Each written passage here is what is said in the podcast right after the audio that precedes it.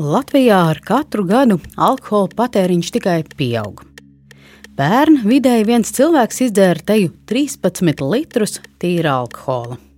Mērķis jau bija viens apsīties akcijas un izrēķināt, ko varēs nopirkt, ko nevarēs. Kurā brīdī varēs lepnāk, kurā varbūt nē. Tas ir gatavs aizņemties, tas ir gatavs iet vairāk strādāt, tas ir gatavs nezinu vēl kaut ko darīt. Da jebko, lai dabūtu kā kārtīgam dzērājam. No alkohola atkarīgam cilvēkam gan piekļuve dzērieniem, gan arī to reklāmas ir spēcīgs stimuls. Alkohola pieejamība ir diezgan brīva un uh, uzmācīga. Man nav ļoti uh, saprotams, kāpēc veikalā pretī čipšiem atrodas viskija pudeles. Lai gan statistikas dati rāda, ka no alkoholisma Latvijā cieš ievērojams skaits iedzīvotāju, saimā ik viens likuma grozījums, kas skar alkohola apriti vai reklāmu, saskaras ar spēcīgu nozares lobiju. Pretestība ir eh, gana augsta. Jāpaturprātā, ka industrijas galvenais mērķis ir nopelnīt. Tas jau nav nekāds noslēpums cik spēcīgs Latvijā ir alkohola ražotāju, izplatītāju un tirgotāju lobbyis, un cik caurskatāma ir lobija ietekme uz politiķiem, kuri lemj par nozari, to atvērto failu pusstundā pētīšu es, Linda Zalāne. Pirmā daļa. Esi gatavs mājās dzert viens pats pie skāpīša.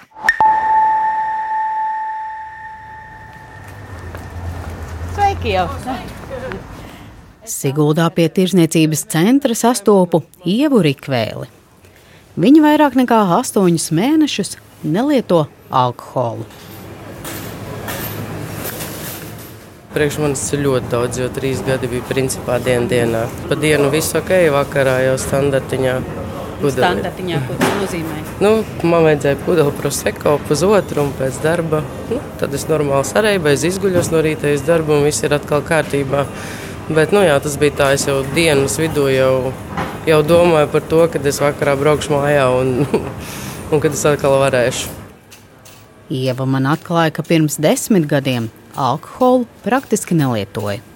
Man vispār negaršoja, un es nesaprotu, kā var vispār to darīt. Un kurā brīdī pārēju tu tajā posmā, kad sāc katru dienu, es saku, no, nevaru atbildēt. Sistemātiska lietošana, kad viņa alkoholu dzēra teju katru dienu, attīstījās vien pēdējos trīs gados. Tas ir gatavs aizņemties, tas ir gatavs iet vairāk strādāt, tas ir gatavs nezinu, vēl kaut ko darīt. Da jebko, lai, lai dabūtu kā kārtīgam dzērājam. Kad tu iedzer, tev vajadzēja iet uz pasākumiem. Vienu brīdi tāds aktīvais periods bija. Pēc tam jau bija tā, ka neko nevajag. Esi gatavs pats sevi mājās, viens pats pie skāpīša, kur neviens neredz. Salai nu pieci glāzē šampu izdzer, nu briesmīgi. Esam ienākuši veikalā, lietojot alkoholu. Ko tas nozīmē tajā laikā, iet veikalā? Mēs varam svē, svētku sajūta.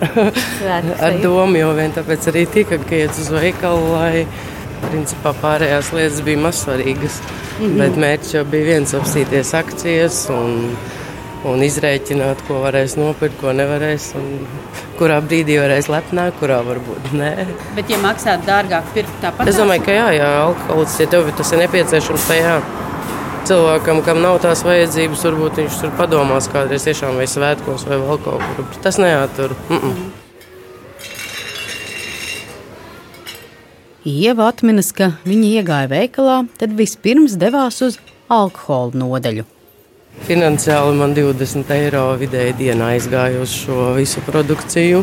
Jo plus tam, ka es vēl smēķēju, ja, un kad lietu alkoholu, tad gribas vairāk uzsmēķēt. Un... Jautāju Ievai, vai viņa pievērš uzmanību tam, kā veikalā ir izvietots alkohols. Īstenībā tas ir beigas atkarīgs no tā, kurā veikalā citā tu ieej, jau ir jau tev deguna galā priekšā akcijas saliktas, ja, un kad stiepjas roka. Tagad man kaut kā pat nepagriežu galvu uz to pusi, vienkārši pāri garām. Nu, Tēt, mēs arī esam veikalā. Nu, ko mēs redzam šeit? Viss, ko pie viena paņem, čipsi paņem.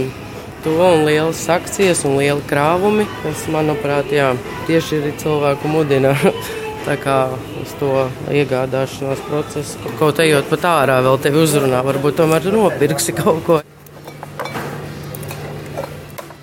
Ieva stāsta, ka alkoholu var labi pamanīt ne tikai veikalā. Informācija par to ir arī daudz kur citur.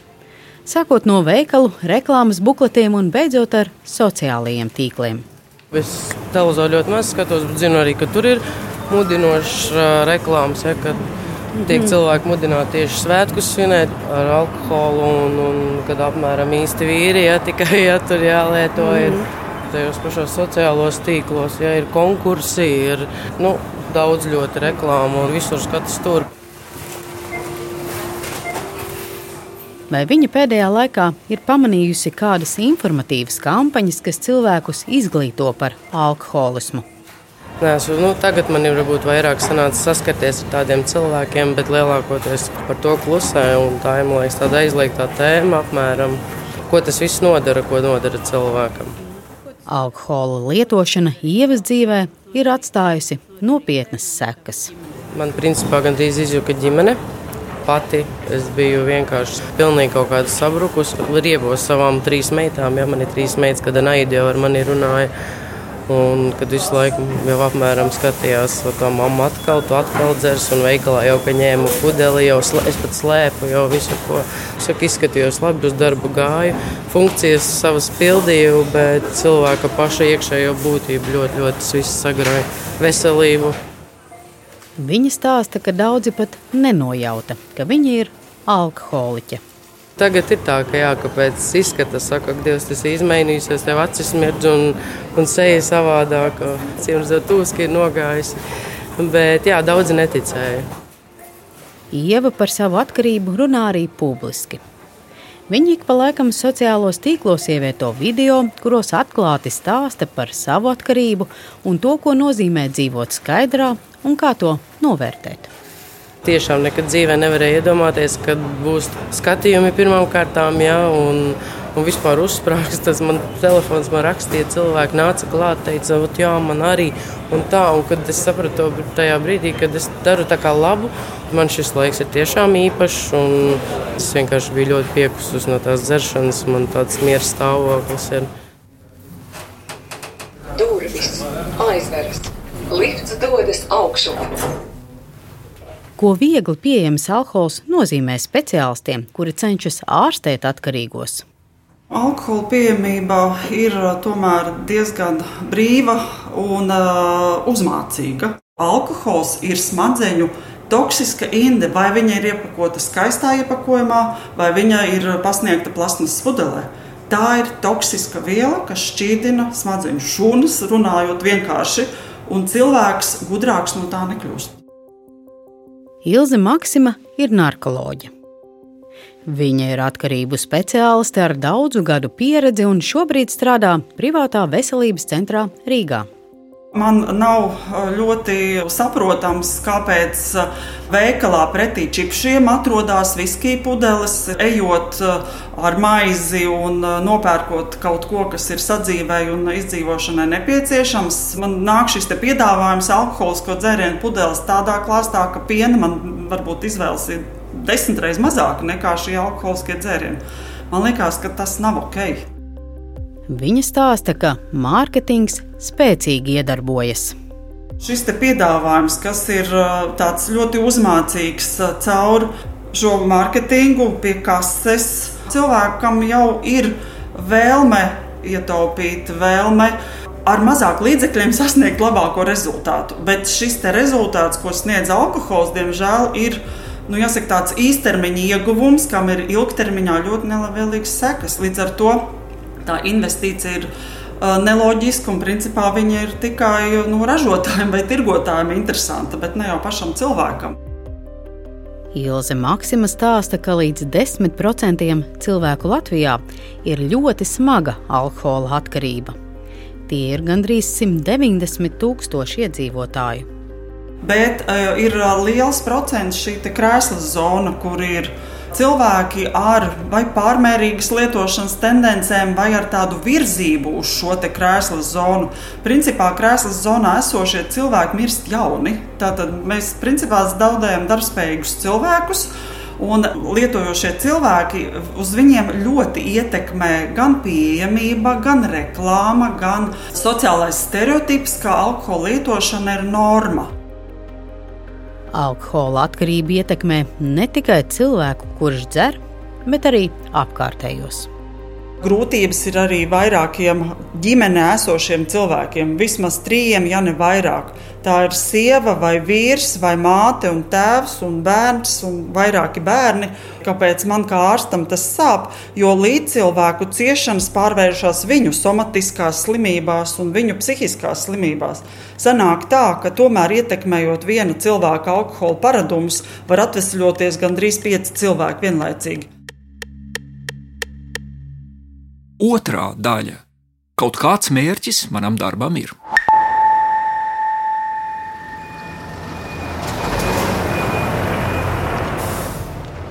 Esmu ieradusies Drēliņos, kur ir izveidots industriāls rajons, kurā atrodas dažādu uzņēmumu noliktavas. Vairākās no tām glabājas alkohols. Mūsu, mēs esam Latvijas balzāmu šeit, un šeit ir pārējā alkohola industrija. Palielam, šeit atrodas viena no lielākajām alkohola koncentrāciju noliktavas. Tā tas attīstījies, bet, nu, vai tas ka nē. Pāvils Filipovs ir alkoholisko dzērienu vairumtirgotāja uzņēmuma Amber Distribution Latvija valdes loceklis. Kopā ar Pāvelu Filipovu iztaigājam 10 000 km2 plašo noliktavu. Mēs atrodamies Amber Distribution Latvijā eh, noliktavās, eh, kur arī eh, lielākā daļa tiek izmantot priekš Latvijas balzām ražotās produkcijas. Šie abi uzņēmumi ietilpst Luksemburgā reģistrētā holdingā Amber Beverage Group. Tā patiesais labuma guvējs ir Krievijas miljardieris Jurijs Šeflers. Un te var redzēt, noliktavā līdz galam jātur. Noliktavā vairākos stāvos izvietotas paletes ar dažādu ražotāju alkoholiskiem dzērieniem. Daļa no šeit redzamajiem grādīgajiem produktiem paliek Latvijas tirgū, daļu eksportē. Tā mums tagad jāuzmanās, ja te notiek kustība. Varbūt tagad šeit, šeit labā pusē mums notiek tie sagatavošana priekš pēcpusdienā mums ir izvešana arī uz veikaliem. Un tā noliktava, nu, to pat nevar redzēt līdz galam. Bet uh, tajā otrā pusē ir sagatavošana piegāde lieliem tirdzniecības tīkliem, kas iet uz viņu loģistikas centriem, kur viņi pēc tam izdala pa veikaliem. Ja. Alkohola ražotāji, izplatītāji un arī tirgotāji aktīvi iestājas par savām interesēm ik reizi, kad politiķi apņemas ierobežot alkohola apriti, reklāmu vai akcīzi. Arī jaunie veselības ministrijas grozījumi alkoholisko dzērienu aprites likumā nav izņēmums. Nozara iebilst pret vairākiem tajā iekļautajiem punktiem. Sākot no aizlieguma noteikt dažādas atlaides un rīkot akcijas, un beidzot ar prasību uz pudelēm norādīt alkohola uzturvērtību un sastāvdaļu sarakstu. Jautāja Pāvēlam Filipovam, vai nozares lobby dēļ grozījumus alkoholisko dzērienu apretes likumā saimā galīgajā lasījumā varētu arī neatbalstīt. Prognozēt ir šausmīgi grūti. Es nedomāju, ka kaut kas strauji mainīsies attiecībā uz šiem ierobežojumiem, jo viņi ir diezgan lieli. Lai saskaņotu šos grozījumus, veselības ministrijai bija vajadzīgi divi gadi. Saimas deputāti likumprojektu atbalstīja pirmajā lasījumā. Bet e, šajā starposmā starp pirmo un otro lasījumu nozara vēl aizvien strādās un pārliecinās politiķus. Nu, Ziniet, šodien, šajā nedēļā vai šajā mēnesī mums nav. Cik es zinu, asociācijas vadītājiem nav plānā tagad kādu runāt, jo viens ir nu, jāsaprot, ko runāt. Nu, jaunā valdība tagad sāk strādāt, jā, labi, deputāti nemainās, mainās tikai sadalījums, kurš tagad ir opozīcijā, kurš ir koalīcijā. Tāpēc mēs tagad nogaidām, pēc tam jau mēs nu, skatīsimies. Ja būs nepieciešama iesaistīšana sarunās, tad mēs uh, to darīsim. Bet patreiz tāds, ka tas tā kā karstais pirāgs nav mūsu pusē. Ne. Es viņam atgādinu notikumus pirms četriem gadiem. Tolaik Saimas budžeta komisija steidzamības kārtā lēma par 15% samazināt akcijas nodokļu likmi stiprajiem alkoholiskiem dzērieniem. Tas bija pretēji Finanšu ministrijas iepriekš izvirzītajam mērķim celt straujāk akcijas nodokli alkoholam. Deputāti un finanšu ministrijas ierēģi toreiz skaidroja, ka grozījumi nepieciešami, jo izmaiņas Igaunijas alkohola tirgū negatīvi ietekmēs Latvijas komersantu uzņēmē darbību un alkoholisko dzērienu apriti, īpaši Igaunijas pierobežā.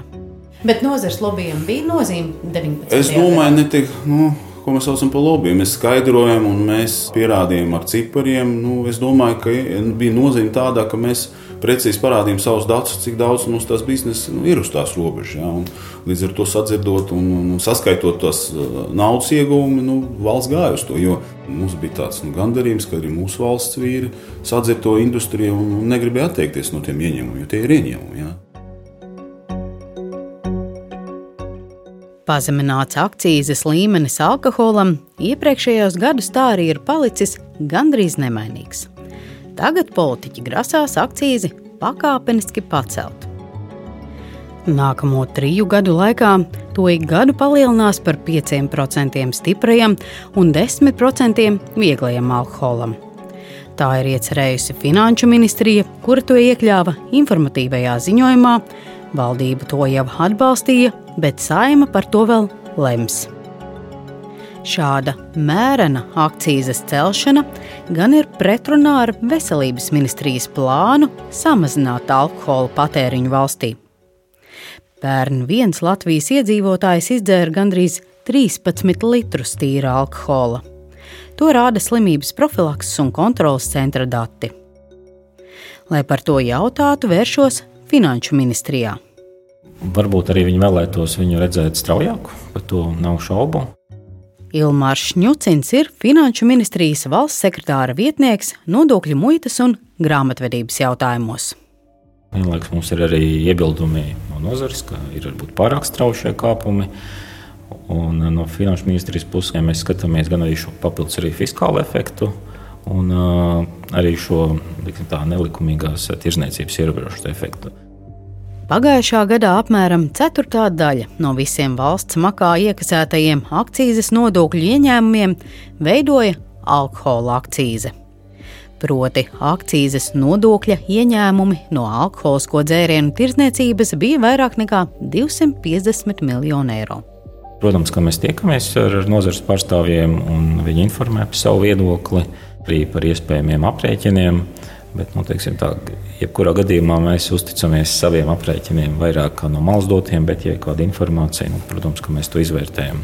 Ja, piemēram, par to 19. gada lēmumu samazināt akcijas. Nozara par to priecājās, bet par to nepriecājās veselības jomas pārstāvji. Sakot, ka šis lēmums eh, bija alkohola nozares eh, ietekmēts. Tas vienmēr ir tāda lieta, kas būtu bijis, ja būtu bijis. Nu, to mēs nevaram zināt. Tikpat labi mēs varētu sagaidīt ar to starpību, kāds mums bija plāns līdz šim Igaunijas lēmumam, ka šie paši veikali vienkārši pārceltos pāri robežai un, un mūsu pilsoņi varētu pirkt Igaunijā lētāk alkoholu nekā Latvijā to, ka pirms četriem gadiem panāktais akcijas nodokļa samazinājums bija lielā mērā Latvijas alkohola nozares asociācijas panākums, man atklāti intervijā stāsta asociācijas izpildirektors Dāvis Vītols. Es domāju, ka toreiz bija liela ietekme, protams, bet mēs bijām arī citu iemeslu dēļ pasūtījuši pētījumu, kurš savā ziņā arī parādīja šīs pierobežas apmēru cik daudz Igaunijas iedzīvotāju alkoholu iegādājas Latvijā. Kāda notiek no nozares puses tā sava viedokļa paušana? Tiekaties ar kādām partijām individuāli? Mēs piedāvājam tikties, bet nu, atsauksme nevienmēr ir tāda, ka visi vēlās tikties. Tā ir tie, tie, kur vēlās, ja tie mēs tiekamies. Varat kādus minēt? Varbūt? Nē. Bet ir tādas tikšanās notikušas. Gan 19. gadā, gan šobrīd? Jā, protams. Mani interesē, vai Dāvis Vītols ir ticies ar Saimas sociālo un darbu lietu komisijas deputātiem.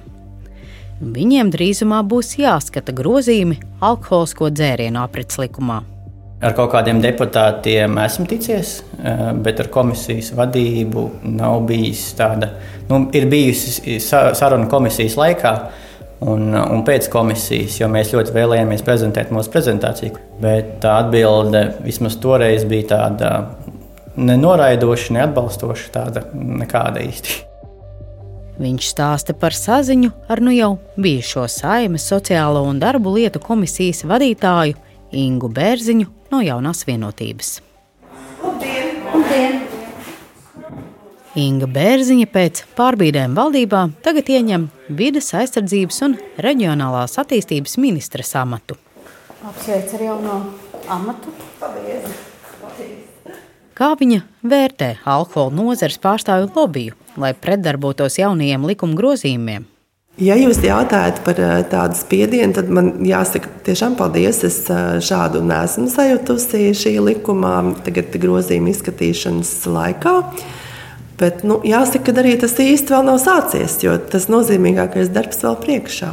Vai jūs prognozējat, ka tas nozares eh, savu interesu aizstāvība vēl pieņemsies spēkā, un vai tā varētu ietekmēt to, vai šis likuma projekts tiks vai netiks pieņemts eh, galīgajā lasījumā? Šo jautājumu šobrīd ir grūti atbildēt. Ja jūs domājat, vai nozara aktīvi darbosies pie šiem likuma grozījumiem, tad es domāju, noteikti jā. Jo tieši tāpēc jau šīs nozares asociācijas arī tiek veidotas. Tas nav vienmēr jāskata ar negatīvu zīmi, jo, protams, kā nozarei savas intereses ir jāaizstāv. Svarīgi, lai tas tiktu darīts atklātā, demokrātiskā veidā, lai nebūtu nezinu, kādas slepenas, nezināmas tikšanās. Inga Bērziņa nenoliedz, ka alkohola ierobežošanas jautājumi ir jūtīgi ne tikai nozares pretspara dēļ, bet arī tādēļ, ka sabiedrībā valda atšķirīgi viedokļi. Ir nemazums cilvēki, kuri domā, ka aizliegumi neko nelīdzēs. Tas, cik ātri grozījumi alkoholisko dzērienu aprates likumā virzīsies saimā, ir lielā mērā atkarīgs gan no diskusijām, gan deputātu vēlmes pieņemt likuma projektu. Protams, tas ir lielā mērā atkarīgs arī no tā, cik konsekventi tam pieiet. Pagājušā nedēļā Sociālo darba lietu komisijas priekšsēdētāja krēslā jaunās vienotības partijas pārstāvi Ingu Bērziņu nomainīja Andris Bērziņš no Zaļo un Zemnieku savienības. Viņš telefona sarunā apliecināja, ka sagaida, ka diskusijas par grozījumiem alkoholisko dzērienu aprits likumā būs karstas, jo komisija ir saņēmusi gan desmitiem deputātu priekšlikumus, gan arī nozars iebildumus. Arī Dāvis Vītols sacīja, ka cīņa par alkohola nozares interesēm šajā likumprojektā ir tikai sākusies. Pats briesmīgākais, kad mēs no dažādu sabiedrības grupu puses esam tie sliktie, kas esam tie lobētāji un vienmēr aizstāvam alkoholu, bet mēs skatāmies uz datiem un uz cipariem un mēs redzam, ka tie ierobežojumi nestrādā. Vai šobrīd tas, cik aktīvi nozare tiksies un strādās un runās ar deputātiem, vai tas varētu ietekmēt to lēmumu, kāds gal galā tiks pieņemts galīgā lasījumā sēmā? Ne, nu, kaut kāds mērķis eh, manam darbam, es ceru, ka ir. Nu, protams, ka mēs ceram uz kaut kādām izmaiņām par to, ko mēs esam publiski rakstījuši. Trešā daļa - pretestība ir gana augsta. Kolēģi, turpināsim mūžīgā dzinēja jautājumu. Ir mūžīgais dzinējs, un tas ir alkohols. Un šis mūžīgais dzinējs tā inicijē visus kolēģus, ka ne par vienu citu jautājumu nav tik daudz runātāju kā par šo mūžīgo dzinēju.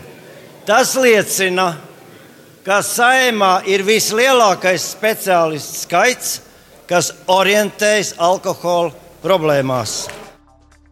Tā pirms 13 gadiem toreizējo saimu uzrunāja deputāts Juris Dobelis no Nacionālās apvienības frakcijas. Parlamentāriešiem tolaik bija jālemj, vai pagarināt alkohola tirzniecības laiku līdz pulksten 11. vakarā. Ierosinājums gan neguva saimas atbalstu. Arī pašreizējos likuma grozījumos veselības ministrija bija sākotnēji iecerējusi mainīt alkohola tirzniecības laiku. Šoreiz nevis to pagarināt, bet gan saīsināt, proti no desmitiem rītā līdz astoņiem vakarā. Kādēļ likuma autori tomēr no tā atteicās? Jautāja Veselības ministrijas sabiedrības veselības departamenta vecākajai ekspertei Elēnai Zviedrai.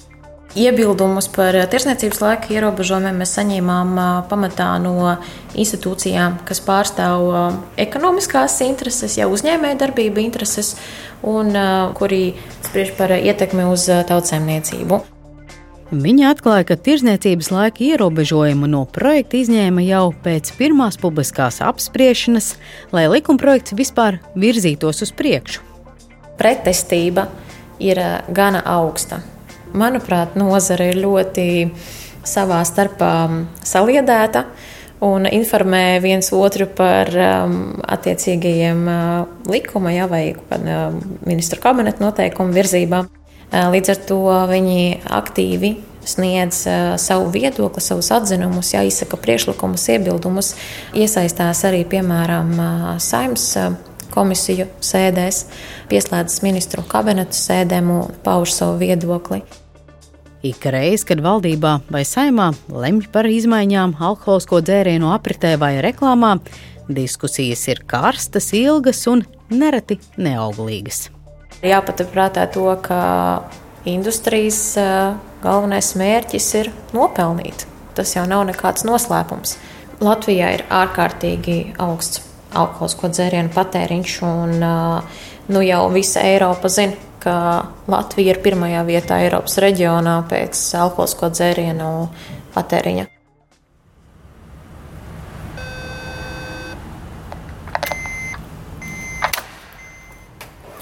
Sveiki! Lai aprunātos par lobēšanas likumu, esmu atnākusi uz interviju ar Inesu Tauriņu. Viņa ir sabiedrības par atklātību Dēlna direktore.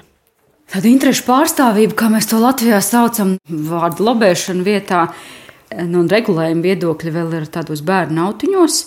Jo likums, lai arī mums ir gadu atpakaļ pieņemts, bet, nu, jāsaka, tā praktiski vispār vēl nedarbojas. 1. septembrī ministru kabinetam vajadzēja jau sagatavot jau gatavus, izstrādātus noteikumus, kā tad praktiski šis likums darbosies. Šobrīd mēs par tiem vēl neko nezinām, neesam dzirdējuši. Tātad šeit jau notiek kavēšanās. Lobēšanas likums nosaka, ka pēc diviem gadiem ir jāizveido un jāievieš divi instrumenti - interešu pārstāvības reģistrs un interešu pārstāvības deklarēšanas sistēma. Tieslietu ministrijā, kurai uzticēts izstrādāt šos noteikumus, es noskaidroju, ka tā ar uzdevumu noteiktajā termiņā netiks galā. Tieslietu ministrijas ierēģi vēl tikai saskaņo noteikumu projektu un apkopo komentārus. Dēlna redz, ka esošajā likuma redakcijā, pat bez šiem papildus ministru kabineta noteikumiem, mēs jau varam ļoti daudz lietas sākt ievērot. Praksē tas tomēr nedarbojās, un tad interešu pārstāvības atklātība mums pagaidām ir tikai uz papīra. Viņa stāsta, ka politiķiem strādāt caurspīdīgi ir tikai politiskās gribas jautājums. Arī esošais likums bez šiem papildus noteikumiem jau neaizliedz tiem pašiem deputātiem publiskot, ar ko tad viņi ir tikušies, kādus viedokļus viņi ir uzklausījuši un kādā veidā viņu lēmums par kādiem konkrētiem priekšlikumiem, kādā konkrētā likumā ir ietekmēts. Tas būtu tas priekšzīmīgais piemērs no saimnes deputātiem. Pēc viņi iesniedz konkrētus priekšlikumus, no kurienes viņi ir balstās šajā informācijā, ko, ko viņi iesniedz un kāds ir tas pamatojums viņu viedoklim. Cik galu galā tas darbiņš, ko uh, nozare ir darījusi likuma projekta virzības gaitā, vai tas var atspoguļoties arī tajā gala rezultātā?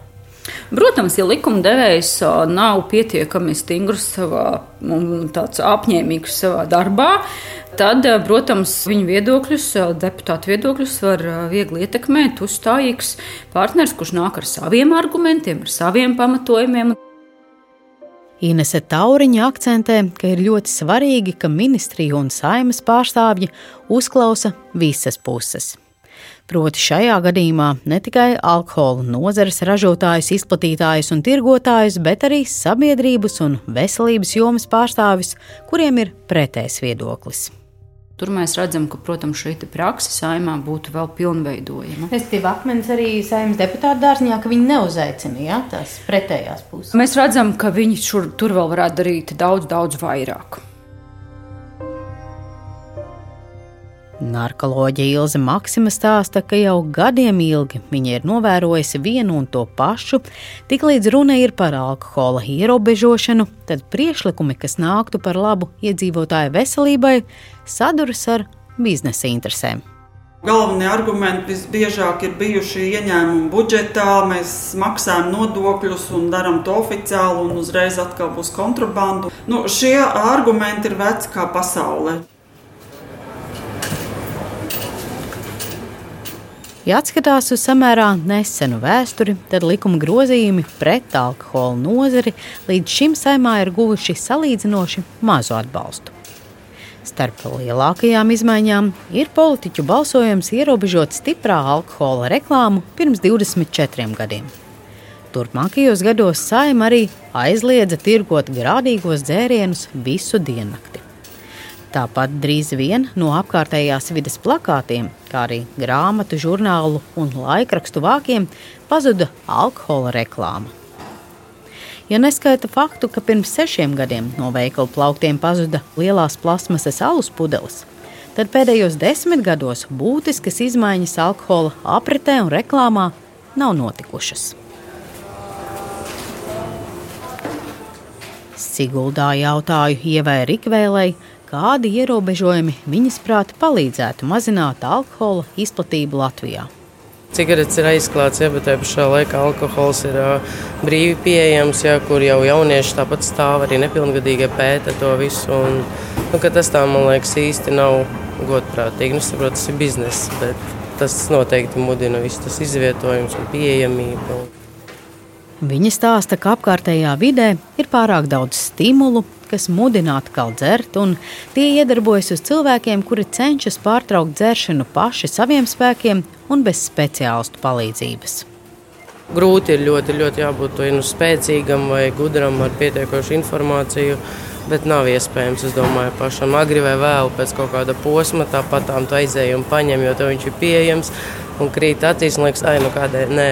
Jo par sevi personīgi varu pateikt, es būtu noteikti gājusi pēc mēneša vēl uz to veikalu un visu atsākusi. Būtu jāaizliedz arī alkohola reklāma gan ikdienā, gan svētkos.